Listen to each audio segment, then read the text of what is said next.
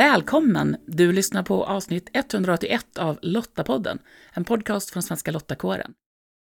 Jag heter Maria Öst och i det här avsnittet då samtalar jag med Johan Hjelm från Myndigheten för samhällsskydd och beredskap om vad NATO-medlemskapet har för betydelse för vårt civila försvar. Och när det här avsnittet spelas in, ja men då är vi ännu inte medlemmar i NATO, men förberedelserna de eh, pågår för fullt. Och ett starkt civilt försvar, det är en förutsättning för att det militära försvaret ska kunna lösa sin uppgift. Häng med in i samtalet med Johan så får du veta mer om vilka krav NATO ställer på Sveriges civila försvar och vad NATO vill lära från oss. Johan, välkommen till Lottapodden. Stort tack. Du, eh, berätta lite kort så lyssnarna vet vem de eh, lyssnar på. Vem är Johan? Absolut. Eh, Johan Hjelm är mitt namn. Jag arbetar på MSB, Myndigheten för samhällsskydd och beredskap. Där är jag chef för en enhet som jobbar med frågor kring samverkan och ledning.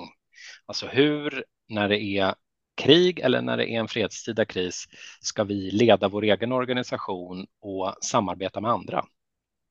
Det är vårt uppdrag generellt och så en viktig del är det, det vi ska prata lite mer om här idag, eh, NATO och konsekvenserna för civilt försvar. Just det. Jag tänker att ni just nu har ganska bråda dagar med allt som händer inom uppbyggnaden av totalförsvaret. Så är det verkligen. MSB, precis som, precis som alla aktörer som har en, en, en central roll i totalförsvaret, jobbar ju för högtryck. Det har vi, det har vi gjort egentligen i flera år, men, men det skruvas upp lite granna hela tiden.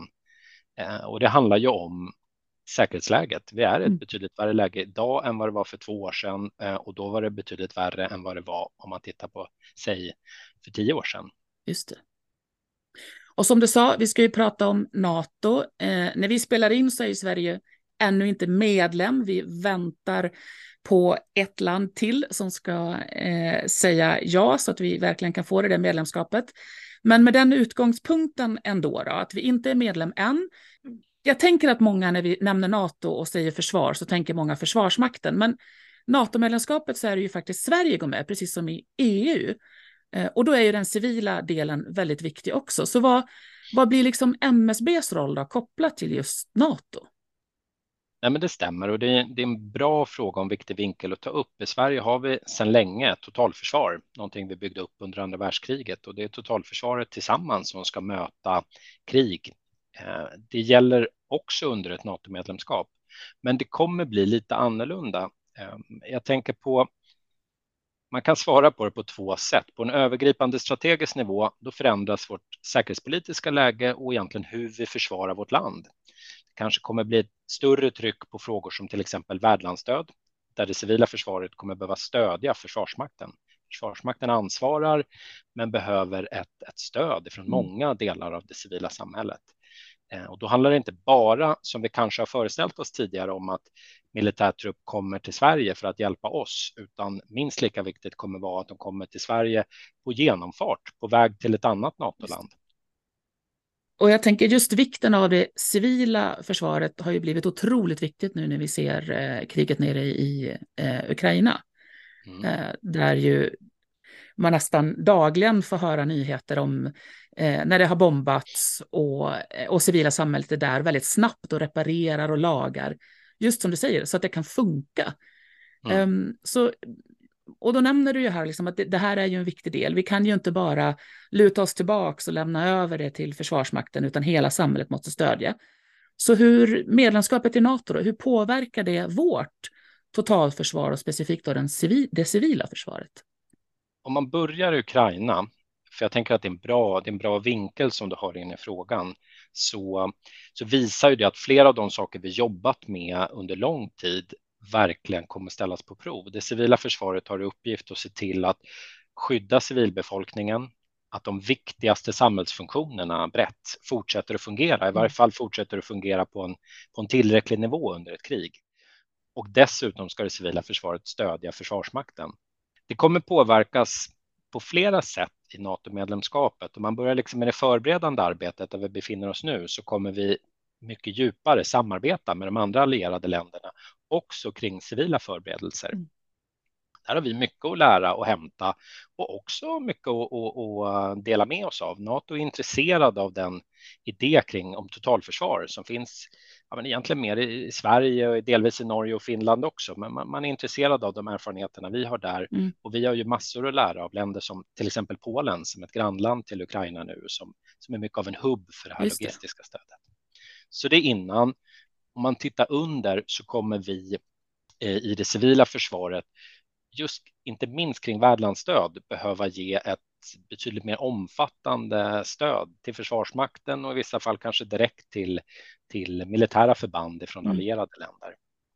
Eh, jag tänker en del av det här också nu, eh, jag tror många av lyssnarna har hört att civilplikten aktiveras mm. eh, och så där. Så vi, det händer ju verkligen väldigt mycket nu just kopplat till hela totalförsvaret naturligtvis, men också just det civila försvaret.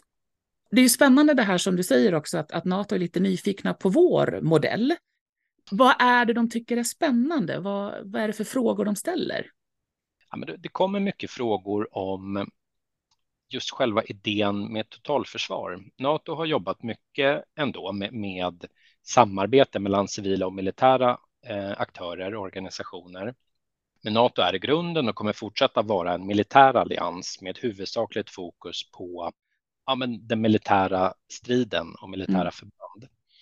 Samtidigt är det ju tydligt såklart också för, för medlemsländer i Nato att ett, ett krig kan både vinnas och förloras långt utanför det militära eh, slagfältet. Mm. Eh, det finns det massa exempel på, både historiskt och det finns sådana dimensioner här och nu om man tittar på, på Ukraina eh, kopplat till försvarsvilja, kopplat till ja, men lidande för civilbefolkning eh, och andra bitar. Och det som är intressant för Nato då är ja, men hur, hur får man ihop det? Vilken typ av lagstiftning finns? Hur sker samarbetet mellan civila och militära aktörer i våra länder? Hur övar vi ihop? Mm. Eh, hur får man med civila aspekter? Kanske inte bara som ett stöd, definitivt som ett stöd till Försvarsmakten, men också i sin egen, sin egen rätt. Också räddningstjänst, mm. sjukvård, energiförsörjning mm. måste ju fungera eh, under ett krig. Ja, men precis. Och som du sa, på den mån det naturligtvis går. Vi, jag, jag tänker att vi kan inte förvänta oss att allting har lika öppet och att alla varor finns som vi är vana vid idag till exempel. Och vi kanske får leva med lite störningar i, i, i elförsörjningen sådär. Eh, men just, eh, just det där att ändå fungera så gott det kan. E-, egentligen är det ju lite, lite fascinerande att det faktiskt funkar att ha det så i en sån hemsk situation. Eh, så det är svårt att föreställa sig. Liksom. Mm. Och det är ju helt rätt. När vi säger fortsätter fungera så är det ju på nivån egentligen att vi ska överleva. Mm. På det sättet, vi ska inte frysa ihjäl, vi ska inte svälta ihjäl. Om vi blir skadade eller sjuka ska vi kunna få eh, sjukvård mm. så som det behövs.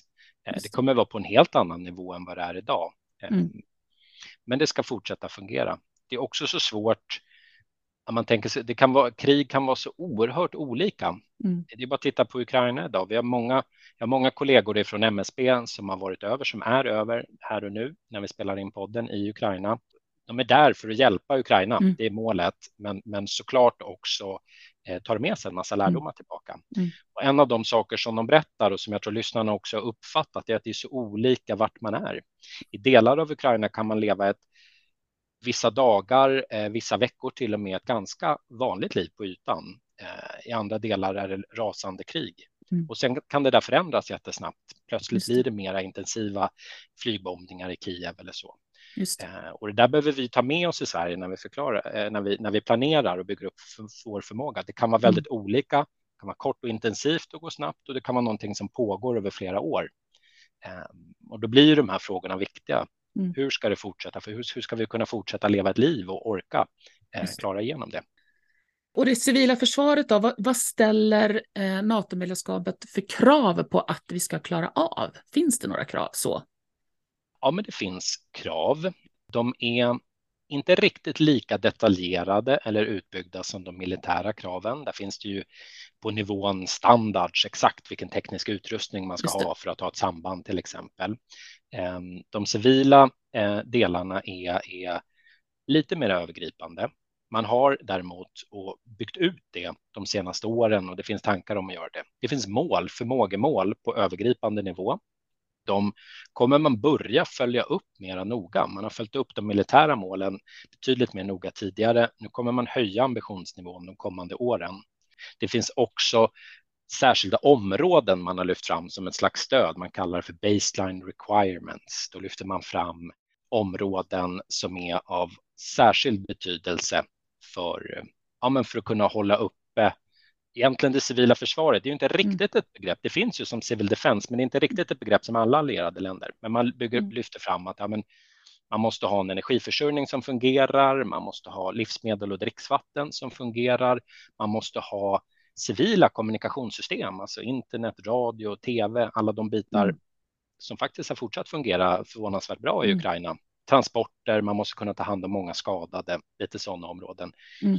Det, så, så det finns ett sånt. Det är inte egentligen nytt om vi tittar på det vi gör här, men det understryker vikten av, av att verkligen komma loss och höja förmågan inom det civila försvaret i Sverige.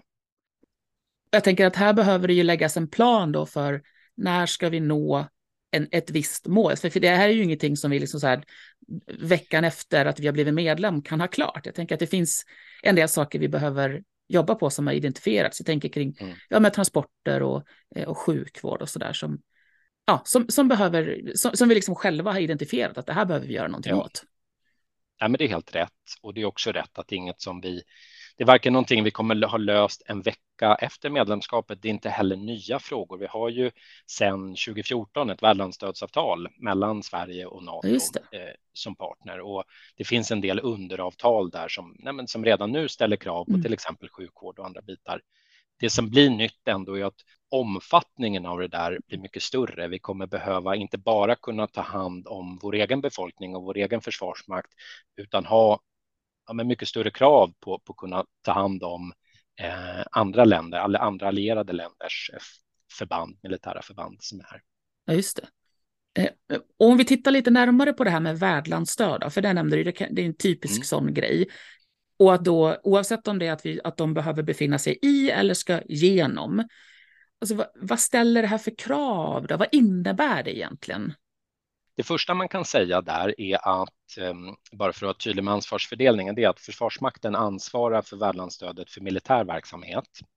Men för att kunna göra det så behöver de hjälp av en, av en mängd civila aktörer. Mm. Infrastrukturen, alltså hamnar, flygplatser, vägar där man kommer in sköts av civila myndigheter, i vissa fall av företag, ganska ofta av kommuner eller kommunalt mm. ägda företag. Eh, där behövs ett stöd rent sådär faktiskt för att komma in, komma på plats i Sverige. Det. det. behövs också stöd på, på många olika sätt transportmässigt för att kunna ta sig vidare. Antingen ska man vidare till ett annat land eller så ska man vidare någonstans i Sverige. Det är en ganska omfattande apparat som vi har erfarenhet av och som säkert flera av lyssnarna varit med i, i de större internationella militära mm. övningarna vi har krävs hjälp av både trafikverk och av polisen och samordning av länsstyrelse och det ska kanske ut information på något sätt i, i, i radio och så. Det är en stor apparat runt det där. Mm. Eh, när så många personer kommer komma till Sverige så kommer det också vara så att en del blir sjuka. Eh, alla kommer inte ha med, även om det finns vissa krav på att man ska ha med sig, alltså kunna försörja sig själv kring energi mm. och, och mat, så kommer vi också behöva hjälpa till med det. Just det. Kan också vara så om man tänker sig, alltså det kan finnas en, en, eh, en, en transport av personer och utrustning tillbaka ifrån stridande områden som ska evakueras tillbaka till Sverige, kanske vidare någon annanstans. Beroende på hur striderna ser ut så skulle det också kunna vara en omfattande, mm. i varje fall en trafik eh, eller transporter som ställer höga krav. Det. det har vi ju sett och har viss erfarenhet av MSB och Socialstyrelsen bland annat har hjälpt till i det arbete som EU samordnar där, där vi tar ut skadade ukrainska soldater och ukrainska civila för vård i olika europeiska länder. Och det mm. ställer höga krav på tidsplanering och på rätt typ av medicinska insatser. Mm. Och det måste ju vara en fördel då att verkligen ha pratat om det här, övat och tränat och träffat de människor man ska jobba med för att just det här ska fungera smidigt då i en situation där det här behöver lösas. Helt rätt och där finns ju den stora fördelen med ett, med ett medlemskap. Vi har förvisso övat tidigare, vi har bra relationer både med de enskilda länderna som är med i NATO och med NATO-organisationerna, men det blir någonting annat när man mm. blir medlemmar. Mm. Säger kollegorna från Finland. De blev lite förvånade hur mycket mer det faktiskt mm. blev när man blev medlemmar, så det behöver ju vi vara beredda på. Och då kan man ju göra precis det du säger, verkligen sätta planeringen på plats, att bygga de här relationerna och allt det som behövs för att lyckas i skarpt läge. Och när vi då blir medlem, för Försvarsmakten till exempel kommer ju att ha personal stationerad eh, i NATO. Mm. Kommer man det från den civila sidan också? Ja, men det, det, kommer man. Inte i lika stor, eh, inte lika många som Försvarsmakten. Eh, för om man tittar på hur NATO ser ut så är de militära delarna allra störst. Sen finns det en, en det heter NATO International Staff. Det är väl cirka tusen personer. Eh, jag är inte helt hundra där, men ungefär i den storleksordningen. De är anställda av NATO och när mm. vi blir medlemmar så har också svenska medborgare rätt att söka de tjänsterna. Mm. Och det är civila tjänster. Ehm, så dels så kommer vissa svenskar att jobba för NATO-organisationen, precis som en del svenskar jobbar för kommissionen inom EU. Sen kommer nog också, tror vi, eh, eller vet vi, så kommer det finnas vissa öppningar där man vill sekundera in, alltså där Sverige står för oftast står för lönekostnaden, men man kanske från MSB eller Socialstyrelsen, polisen eller någon annan placerar en anställd under ett år eller två eller fler år i, i Bryssel och jobbar åt NATO. Och det är ett jättebra sätt för oss att lära oss mer direkt om hur NATO fungerar och för NATO att ja, få, få bra och duktiga personer. En annan sak som ju är speciellt med oss i Sverige, det är ju att vi har 18 frivilliga försvarsorganisationer som ju har i uppdrag att stötta totalförsvaret på olika sätt. Ehm, hur skulle NATO-medlemskapet kunna påverka oss då? Ja, men jag tänker att det, det, är en, det är en jättebra fråga eh, och det är tydligt för alla oss, för er som är med i, i frivilliga försvarsorganisationer och för oss som jobbar ja, men både nära er och med att bygga förmågan i, i ja, men totalförsvaret och inte minst det civila försvaret. Det är superviktigt med personalförsörjningen och där är ju ni guld värda. Ehm, och det jag tänker är Nato understryker vikten av att ha ett starkt totalförsvar. Mm. Eh, det vet vi redan, men det blir någonstans får vi lite mer formella krav på oss där. Det tror jag är jättebra.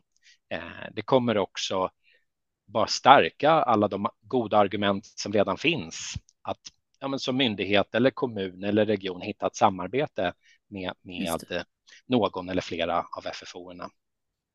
Alltså det du, du frågade tidigare om vad, vad är NATO intresserade av i Sverige? Jag tror att man kommer vara intresserad av mm. det här. Det är inte alls alla länder som har den, den långa och fina tradition vi har av liksom samarbete, ett ordnat samarbete mellan mm. civilsamhället och frivilliga försvarsorganisationer och myndigheter.